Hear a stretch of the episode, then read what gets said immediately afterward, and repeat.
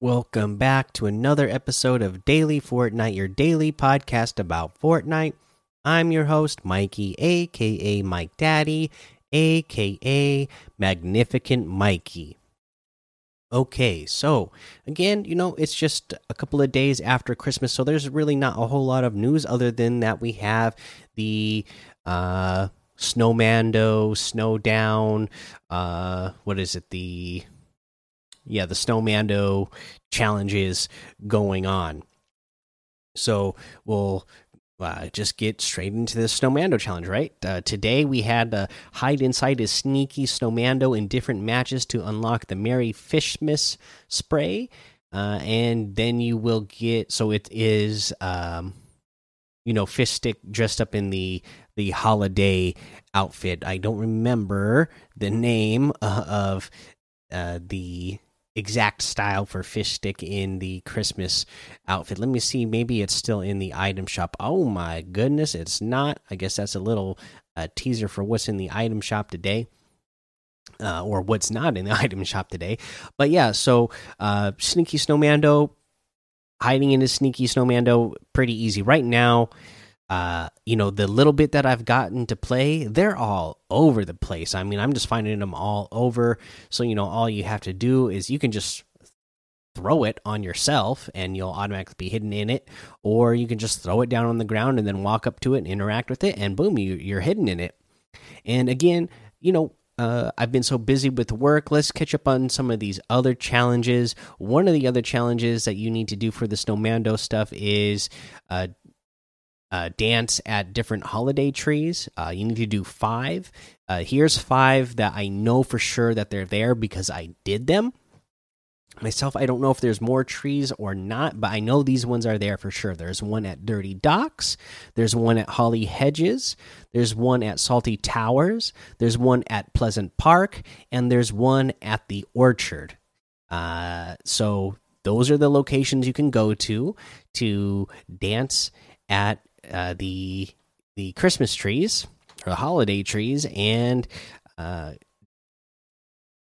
get whatever uh, reward was associated with that one. I wasn't even paying attention when I was doing the Snowmando challenges what I was what the rewards were for each specific challenge because I was just trying to get enough of them done to get the Snowmando outfit uh, so I wasn't paying attention to what each individual one was doing. Uh, let's see if I can figure it out. Mm, no, I, I don't see what it. I'm not sure which reward that was, but uh, yeah, that's how you do that one. Uh, and again, because there's not a lot of news, let's just go ahead and talk about today's item shop. And again, uh, uh, we got that little teaser because there's no more Christmas stuff. they had that big "Tis the Season" section where uh, you had Christmas stuff. Uh, that's all gone now. So, uh, just a couple days after Christmas, all that Christmas uh, holiday celebration stuff is out of here. But they did add in a new pack. So, if you want to get the pack uh, or the bundle uh, they call it the Shadow Strike pack. You get Shadow Archetype outfit, the Dark Paradigm back bling, the Night Gunner outfit, the Night Bag back bling, the Mecha Team Shadow outfit, and the Shadow Jet set back bling for 2,800 V bucks. So that's a good deal, almost 2,000 V bucks off. Uh, Let's see here. You can get the individual items, the Mecha Team Shadow outfit with the Shadow Jet set backbling for 1,500, the Shadow Combo Cleavers harvesting tool for 800, the Night Gunner outfit with the Night Bag backbling for 1,500, the Shadow Archetype outfit with the Dark Paradigm backbling for 1,500, the Shadow Caliper harvesting tool for 500. Uh, and what else have we got? Oh, it looks like you know the sing along emo is still in here. So that's the one that's free that you can gift to people or gift to yourself. That's still in here if you if you know if you know anybody who still needs that, that's still there. Uh, and then we have the Oppressor outfit with the Exospine back bling for 2000, the Facet outfit with the Geode back bling for 1200, the Scanline wrap for 300, the Advanced Math emote for 500, the Twist emote for 500, the Have a Seat emote for 200. We have the Say So emote for 500 the siren outfit with the last kiss back bling for 1200 the wolf outfit with the pelt pack back bling for 1200 the exo axis harvesting tool for 800 the reflex blades harvesting tool for 500 and that's everything. So you can get any and all of these items using code mike daddy m m m i k e d a d d y in the item shop and some of the proceeds will go to help support the show. Now, we just had Christmas, uh, so maybe you got some good gifts, and maybe you got gift cards to get yourself something, and maybe you're looking at getting yourself something to help improve your setup for uh, your gaming and to play Fortnite. And uh, let's see here, it was Infernal that did uh, a pretty good post in the Discord channel in there. I'm just going to uh, do the general part of this tip that he had. So he said, very important tip: check your monitor, TV. Uh, slash TV's built-in settings and optimize it to improve your Fortnite experience. Below, I'll show I'll explain the features I have access to on my monitor, and you probably have access to on yours, what they mean and how you should set them. So he's got a little post there. You can go to, you know, join the Discord and go see everything he has there. Uh, I just want to leave this tip uh, for the show, just for the general sense, because I bet there's people who are getting new PCs, they're getting new monitors. Maybe you got a new console whatever this situation is with yourself.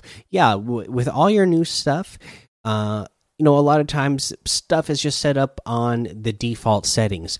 Uh, make sure you go in there, like you said, and uh, go into the settings and set up everything to run your games and run Fortnite app at the optimal level that you want it to be at. Uh, again, you know, Fortnite has their own uh, setup itself. If you want to have, you know, the performance mode where you can automatically turn everything else down within Fortnite. But again, just the settings on your console or on your monitors or in your PC, uh, you know, make sure you get everything set up uh, and running, you know, in tip top shape and running smooth the way you like it, the way you prefer it uh, to be. Uh, so uh, don't forget that. Uh, you know, a lot of times you know like if, if, for example my son got a new tv for uh himself so that he could play his games on. And you know i went into the tv and uh, set up all the settings on there so that way it will look as good as it possibly can when he's playing his games on there. Uh, and you know i changed all the inputs as well so that you know whenever whenever he wants to watch movies or whatever the the input he's using to watch uh, movies uh, that way that will be all set up uh, perfect for that so yeah go in there don't just leave everything on default on no matter whether you're using consoles monitors uh, you know the the pc itself get everything uh, it, it, to pinpoint accuracy that way uh, you can really have the best experience all right, guys, that's the episode for today. Go join the daily Fortnite Discord and hang out with us. Follow me over on Twitch, Twitter, and YouTube. It's Mike Daddy on all of those. Head over to Apple Podcasts, leave a five star rating and a written review for a shout out on this show. Uh, I think uh, work looks like it's going to be slowing down, and uh, by next Sunday, uh, I think I'll be off early enough, or I'm hoping, you know, based on today, Sunday, uh, you know, it was already lighter. So I'm hoping, uh, based on that, that next Sunday I'm just going to have the day off. I'm finally going to get a day off. I'm hoping. so th that's that's what I'm hoping for and wishing for in the new year. And uh, because next Sunday will be the the new year. So I'm hoping I'm going to get that Sunday off, and then we'll get back to reading the reviews uh, and catching up on all the reviews that have been left uh, for the last month or so. But yeah, so I'd really appreciate it if you leave those reviews, though. It does help out the show a ton. And until next time, have fun, be safe, and don't get lost in the storm.